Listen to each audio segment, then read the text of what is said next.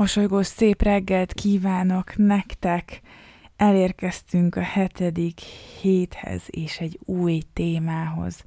Pintér Berzsény Boglár vagyok, ez pedig itt a Mosolygós Mondatok Podcast. Nyitunk egy újabb témát, ami nem más, mint a spiritualitás. Ez is egy lazább hét lesz, nem úgy, mint a többi. Ezen a héten sem fogok vállalkozóval beszélgetni, egy kicsit arról fogok szót ejteni a hét folyamán, hogy mi az a spiritualitás, és hogy milyen ágazatai vannak. Ezzel a szóval spiritualitás én szerintem három-négy évvel ezelőtt kezdtem el úgy igazán foglalkozni, vagyis nem is ezzel, hanem ugye az önfejlesztéssel, a tudatossággal, és nagyon érdekes, hogy azóta mi mindenre emlékszem, úgy értem, hogy mi minden mi mindent olvastam, mi mindent hallottam azokban a közösségekben, ahol ezekről szó esett, vagy a munkám során. Elkezdtem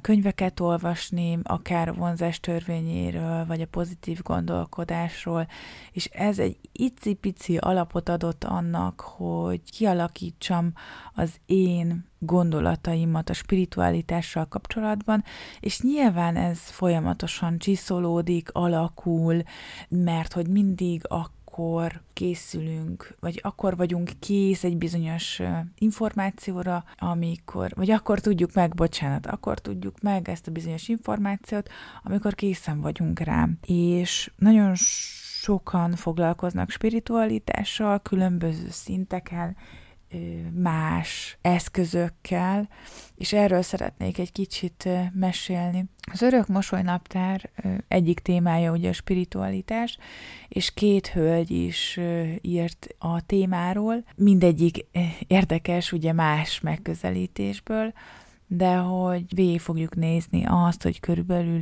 mik azok a, a nagy témák, amik a spiritualitáshoz hozzá tartoznak. Kíváncsi vagyok, hogy te mit gondolsz a spiritualitásról, és hogy van-e olyan gondolat, amit te követsz, vagy vannak-e olyan szokások, amit beépítettél az életedbe, vannak-e olyan gondolatok, amiben hiszel, vagy egyáltalán nem hiszel a spirituális világban.